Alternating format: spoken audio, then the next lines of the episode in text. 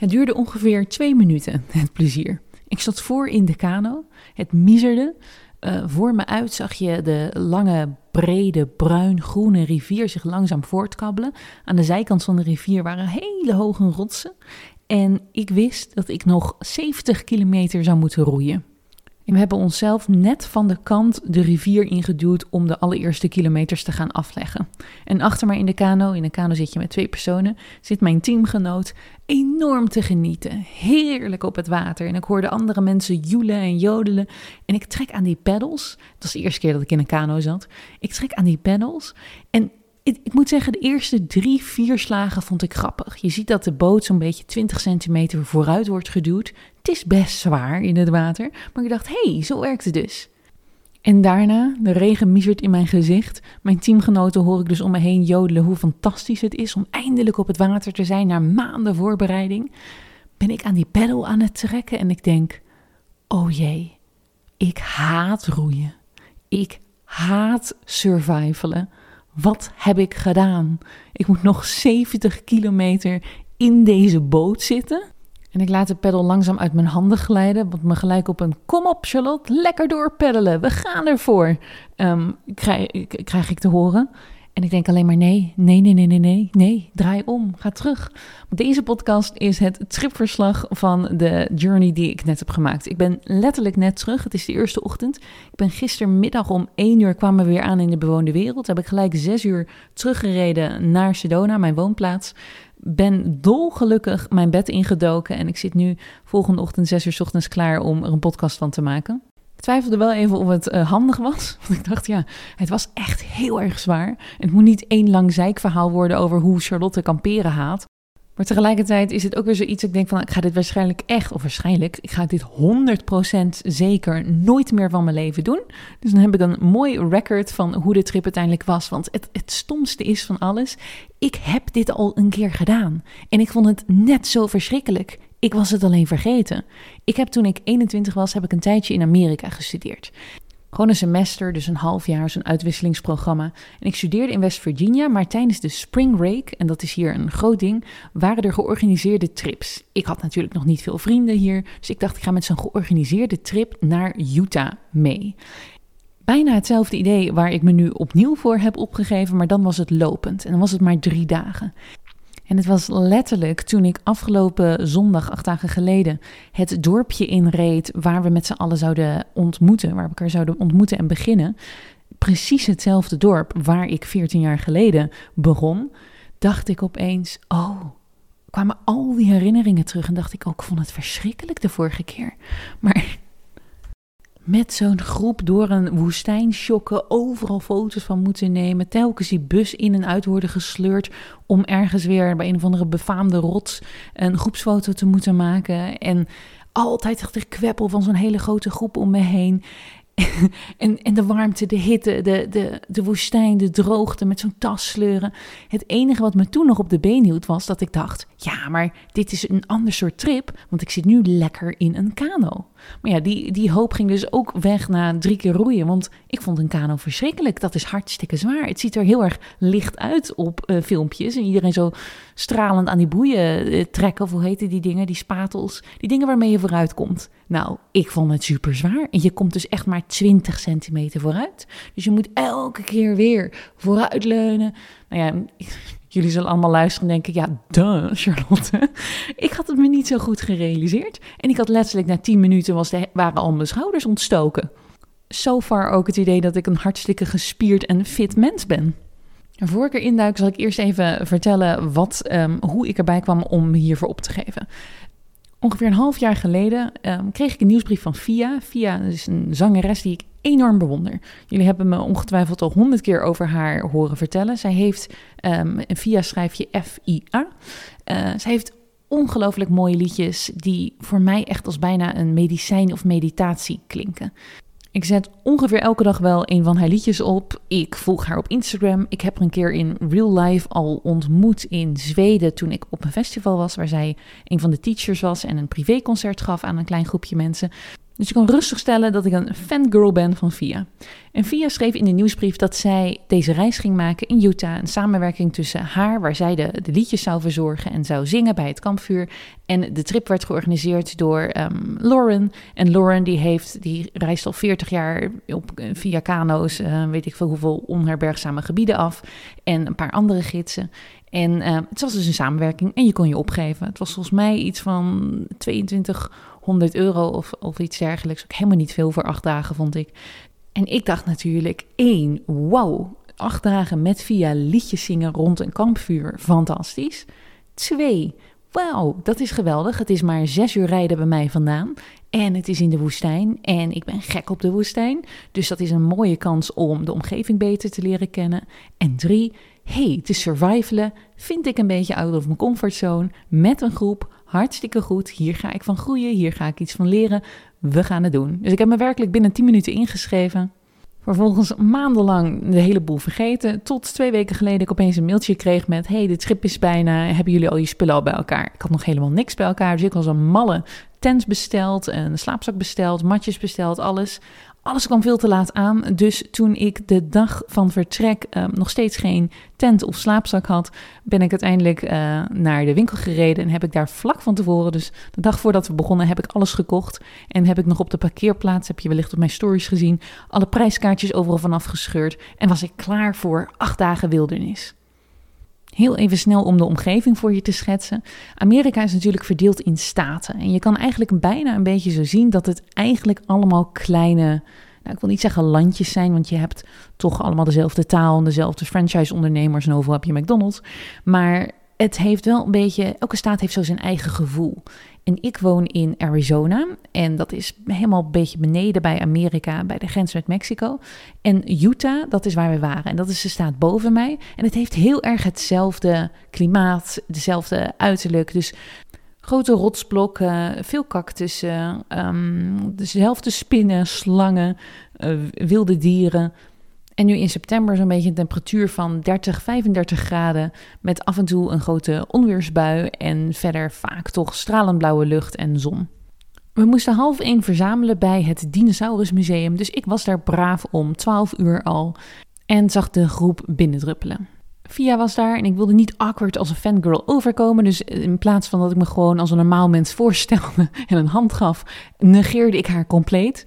En überhaupt ben ik nooit de sterkste als het gaat over in een groep terechtkomen. Dus iedereen was een beetje de spulletjes aan, bij elkaar aan het pakken. En ik zat eigenlijk vooral een beetje aan de zijkant te luisteren en te kijken. En zo is bij mij, ik ben een introvert, vaak de eerste paar uur als ik met nieuwe mensen ben. Ik luister, ik kijk, ik knik een beetje en ik zeg niet zo ontzettend veel. Wij allemaal onze spullen in een waterdichte zak doen, een busje in en dus twee uur ongeveer rijden over zandpaadjes naar, het, de, naar de rivier toe. Ik had bij de rivier het romantische idee dat ik dan in die kano zou zitten en dan naast me zou kijken. Dan zou ik vissen voorbij zien zwemmen en kiezels op de, op de grond zien uh, gaan. Er zou een lekkere stroming zijn, zodat je dus zelf niet zo ontzettend veel werk hoeft te doen. En zo zou ik mij deze aankomende dagen door de canyon laten glijden. En de canyon, uh, dat, is, dat betekent eigenlijk dat je dus aan beide kanten grote rotsen hebt. Niks was minder waar. Toen we bij de rivier aankwamen, was het dus eigenlijk een grote drijvende bruine drap.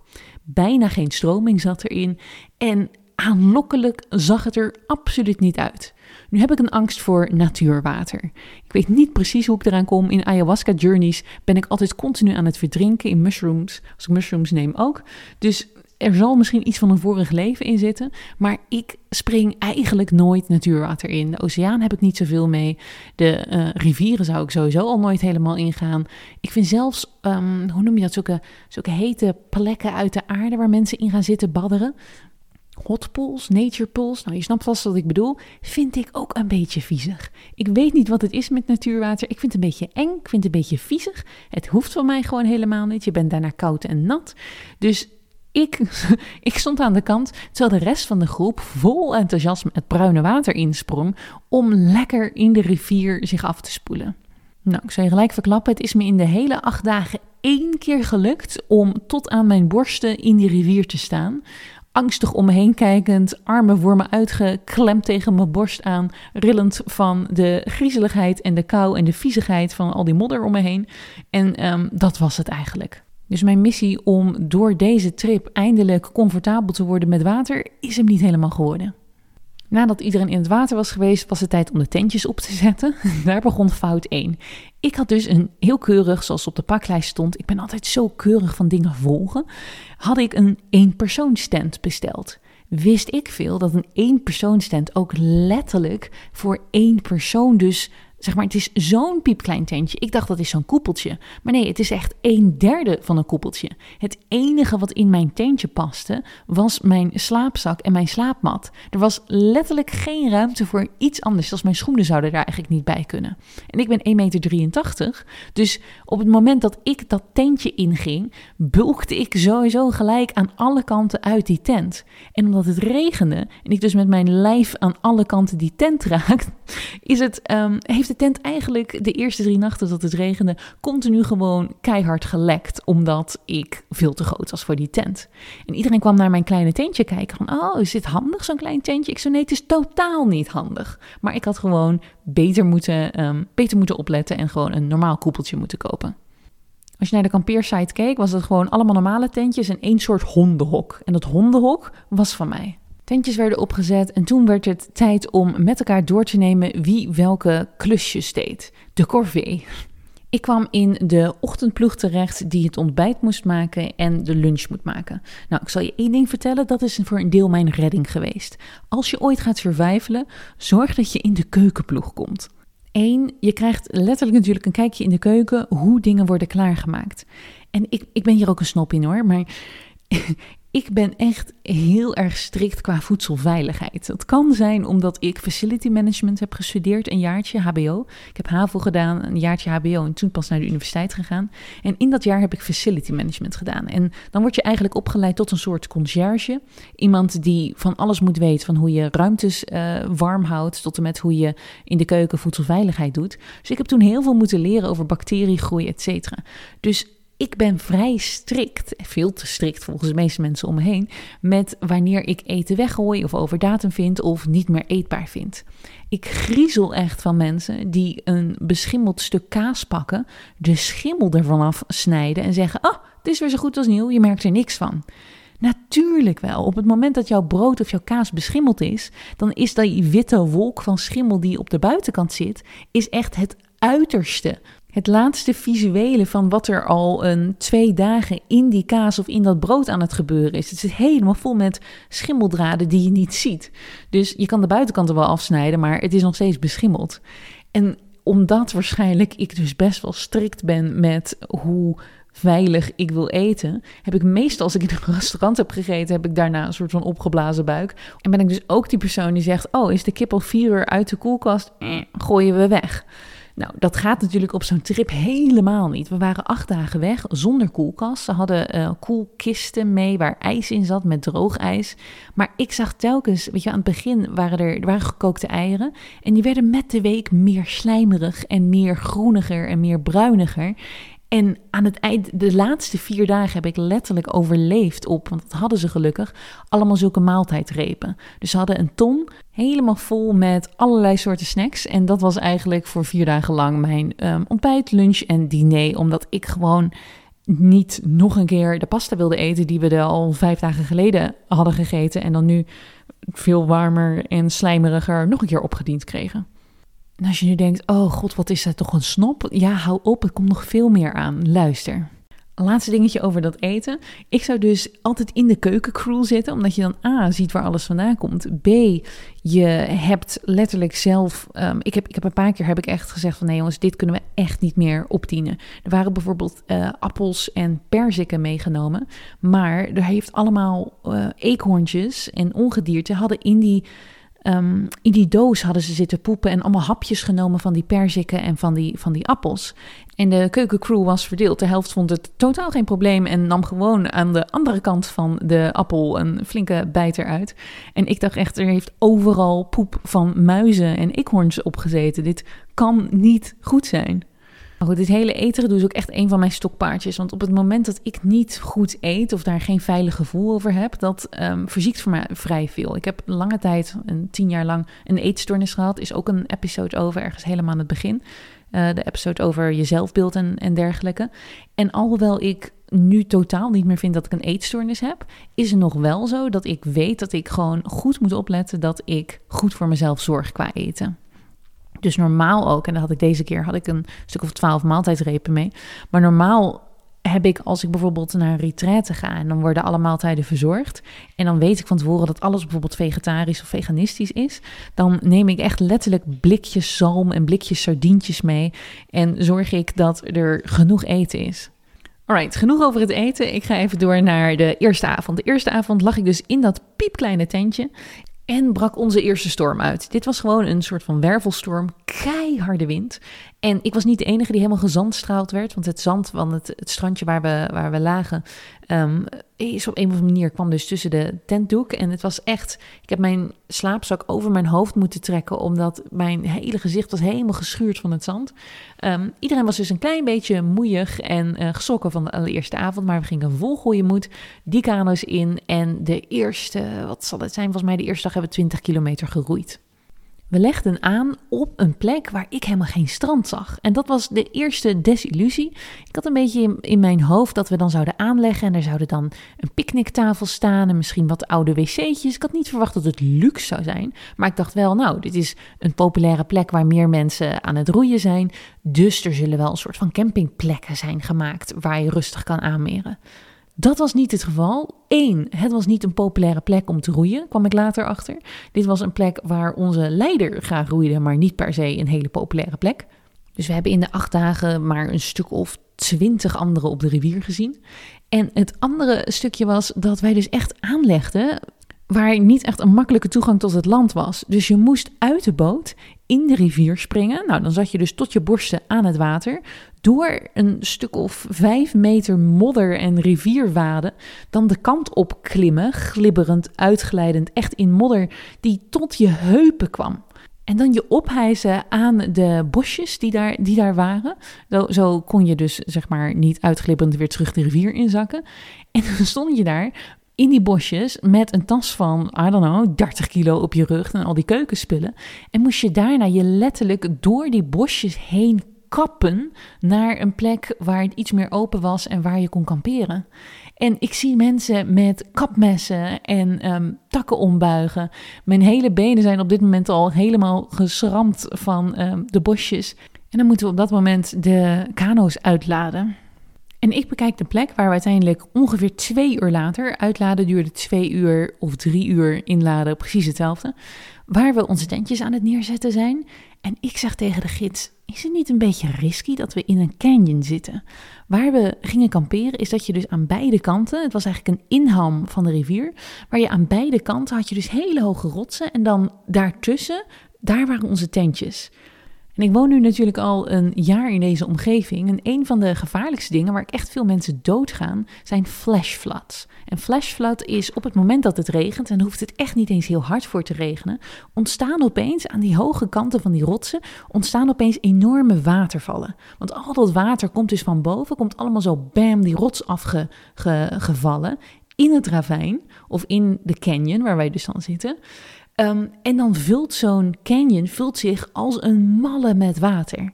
Ik krijg op een doordeweekse week in het regenseizoen, als het hier, dus als ik gewoon in Sedona woon, krijg ik ongeveer, nou ik wil zeggen twee keer in de week, krijg ik een melding, warning, flash flood, kom niet op dit gebied. En dat doet, de, doet dan de staat Um, stuurt dat dan naar alle mobieltjes die in dat, uh, in dat gebied zijn.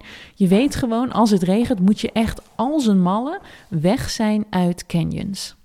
Ik kijk om me heen bij dat kampeerplekje en ik zie dus overal lichtgroene, buigzame takjes en bosjes. En dat is een vaag en gevaarlijk teken in de woestijn. Zulke frisgroene bosjes betekent namelijk dat er water is. En tegelijkertijd zie je dat de bosjes allemaal een bepaalde kant op hangen. En dat de onderste kanten helemaal um, dat alle groene blaadjes ervan afgerukt zijn. Wat betekent dat ze waarschijnlijk onder stroming hebben gestaan.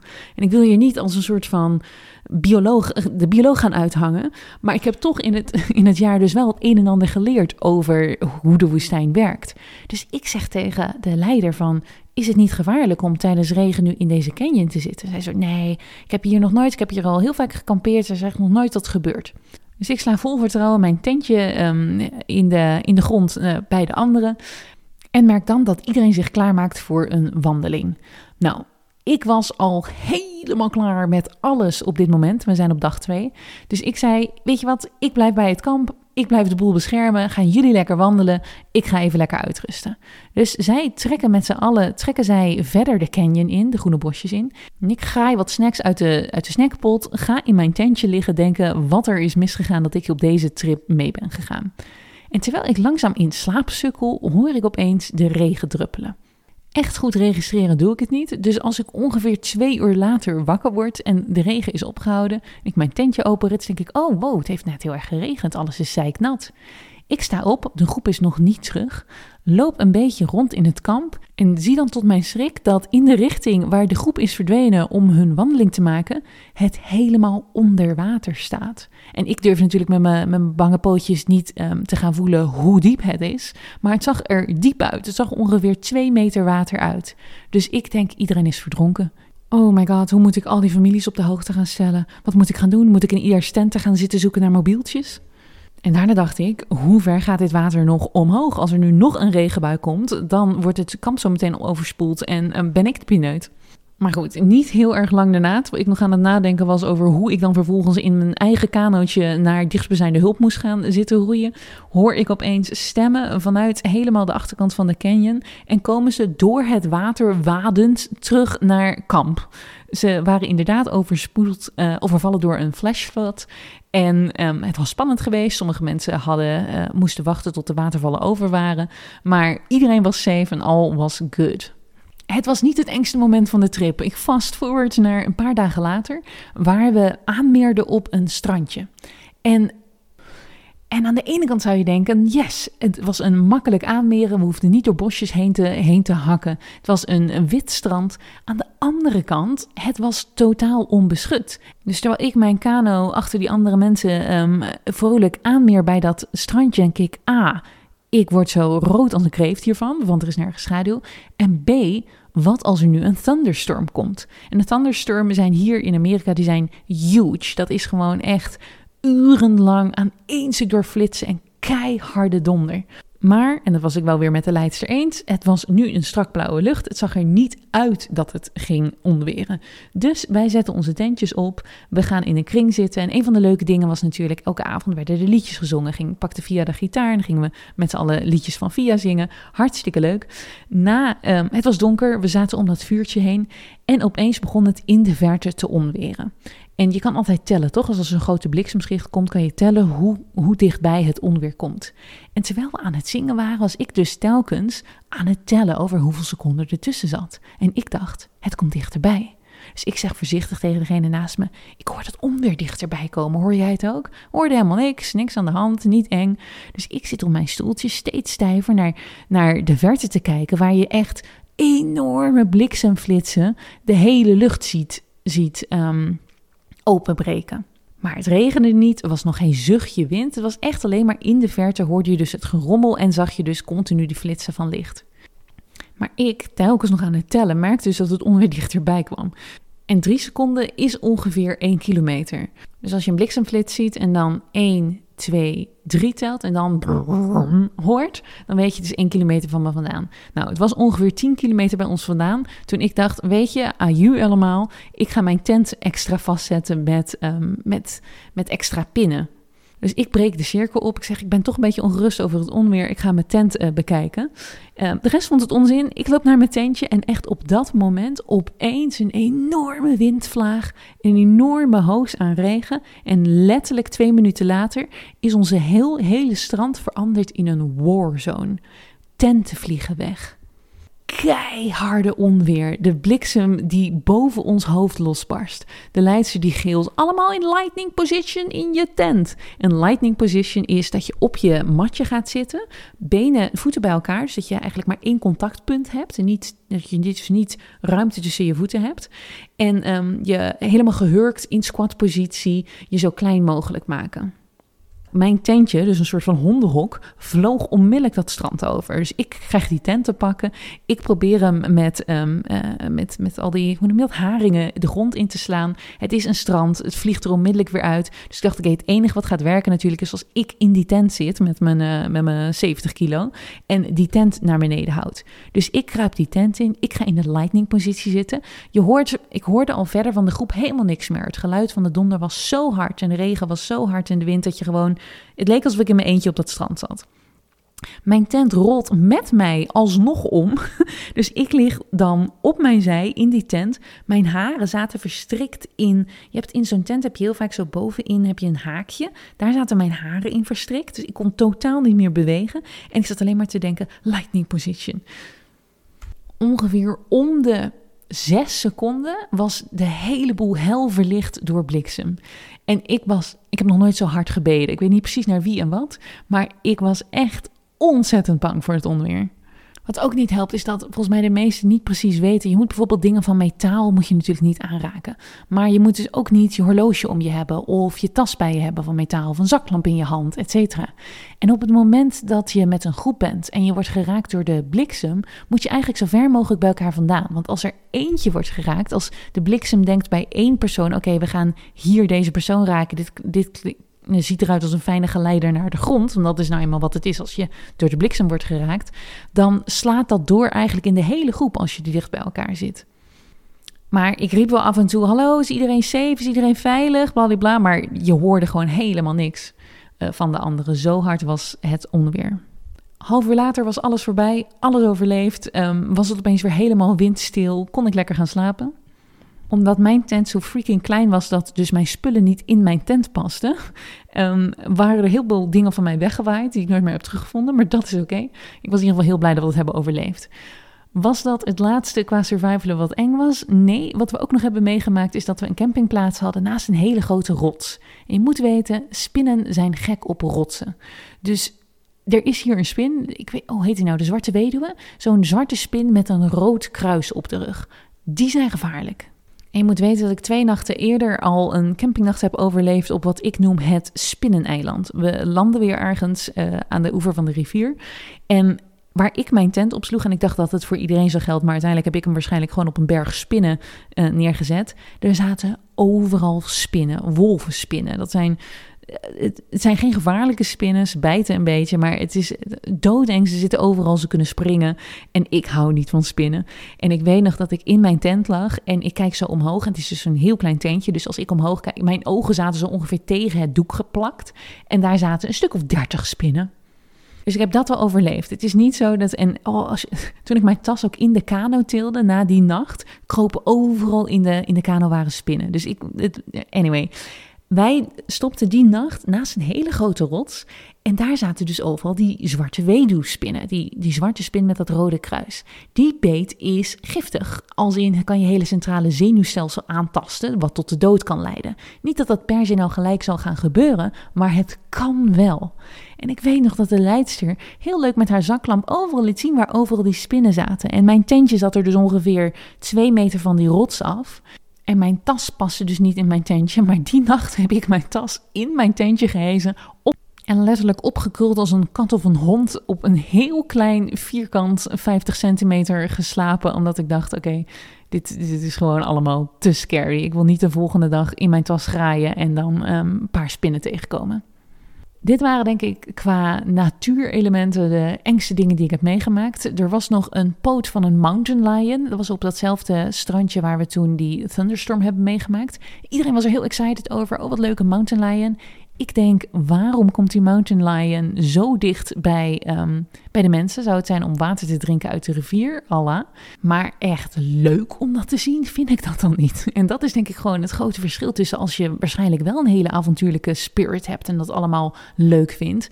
En tussen mij, dat ik denk van, ik vind het leven veel te leuk. Ik wil gewoon overleven. En waarom lig ik hier? Waarom zit ik hier in een canyon die overspoeld kan raken? Of word ik bijna geraakt door de bliksem? Wat is hier het doel van?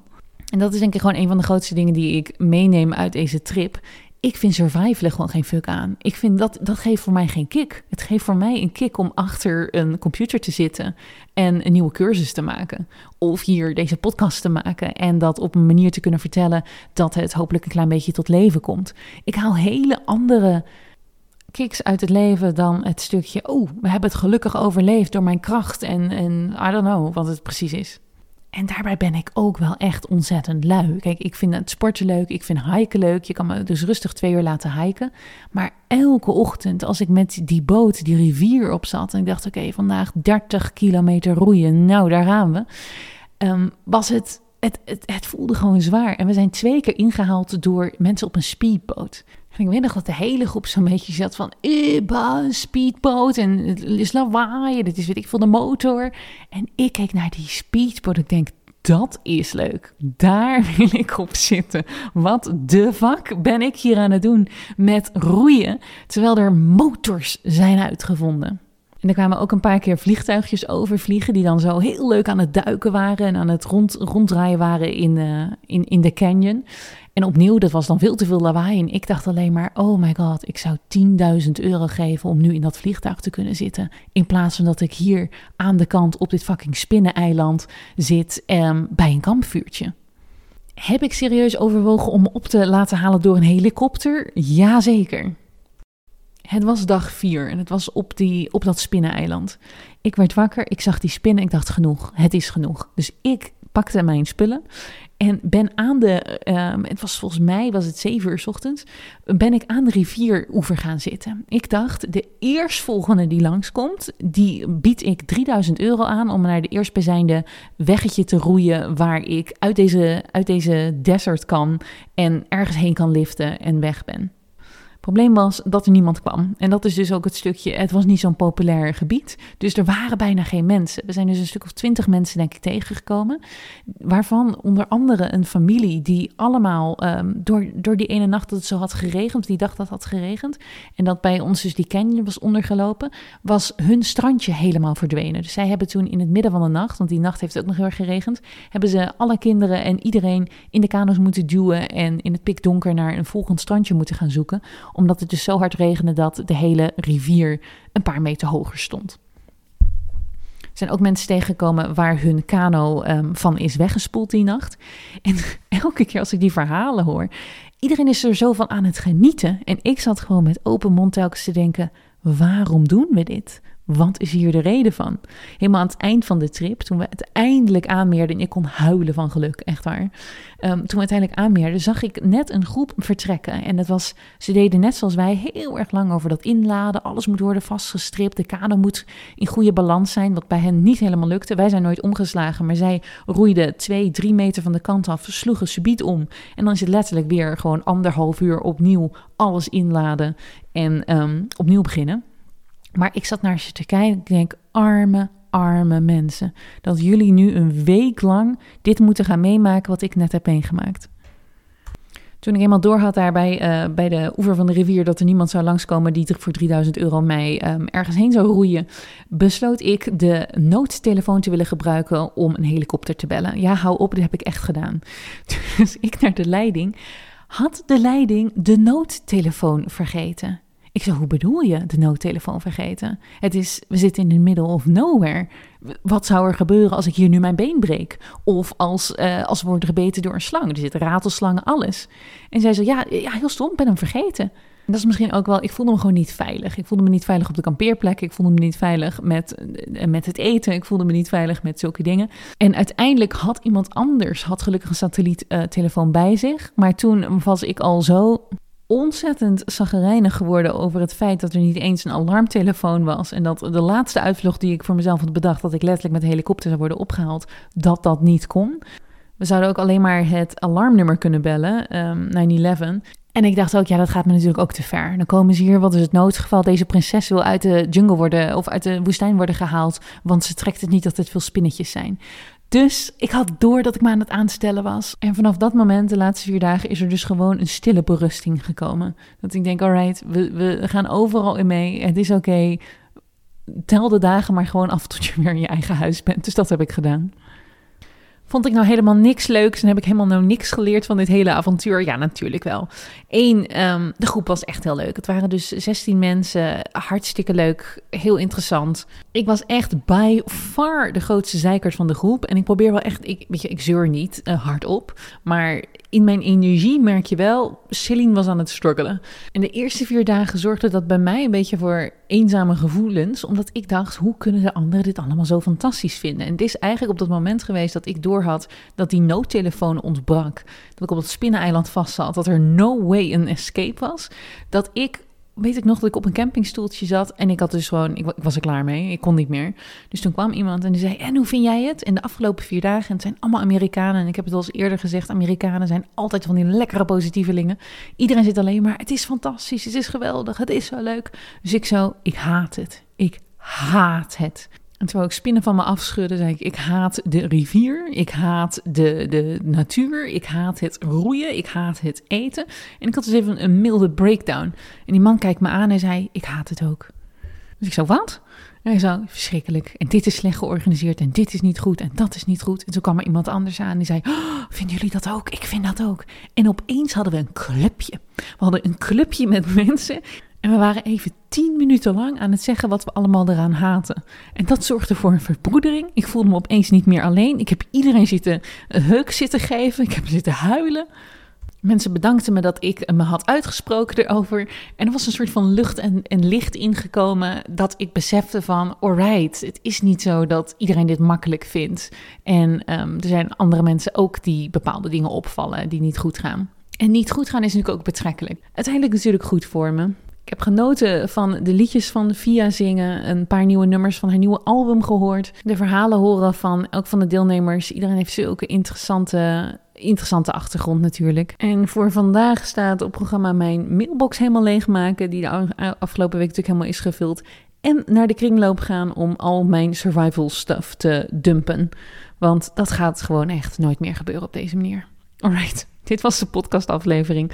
Dank je voor het luisteren naar mijn verhaal. Uh, laat op mijn Instagram weten wat jouw meest uh, gruwelijke of fijne of bijzondere kampeer survival uh, vakantie is geweest. Ben ik heel benieuwd naar, want er zullen ongetwijfeld mensen zijn die naar dit hele verhaal hebben geluisterd en denken: Charlotte, je bent gek. Dit klinkt als de hemel. Dit is helemaal fantastisch. Was ik maar meegegaan.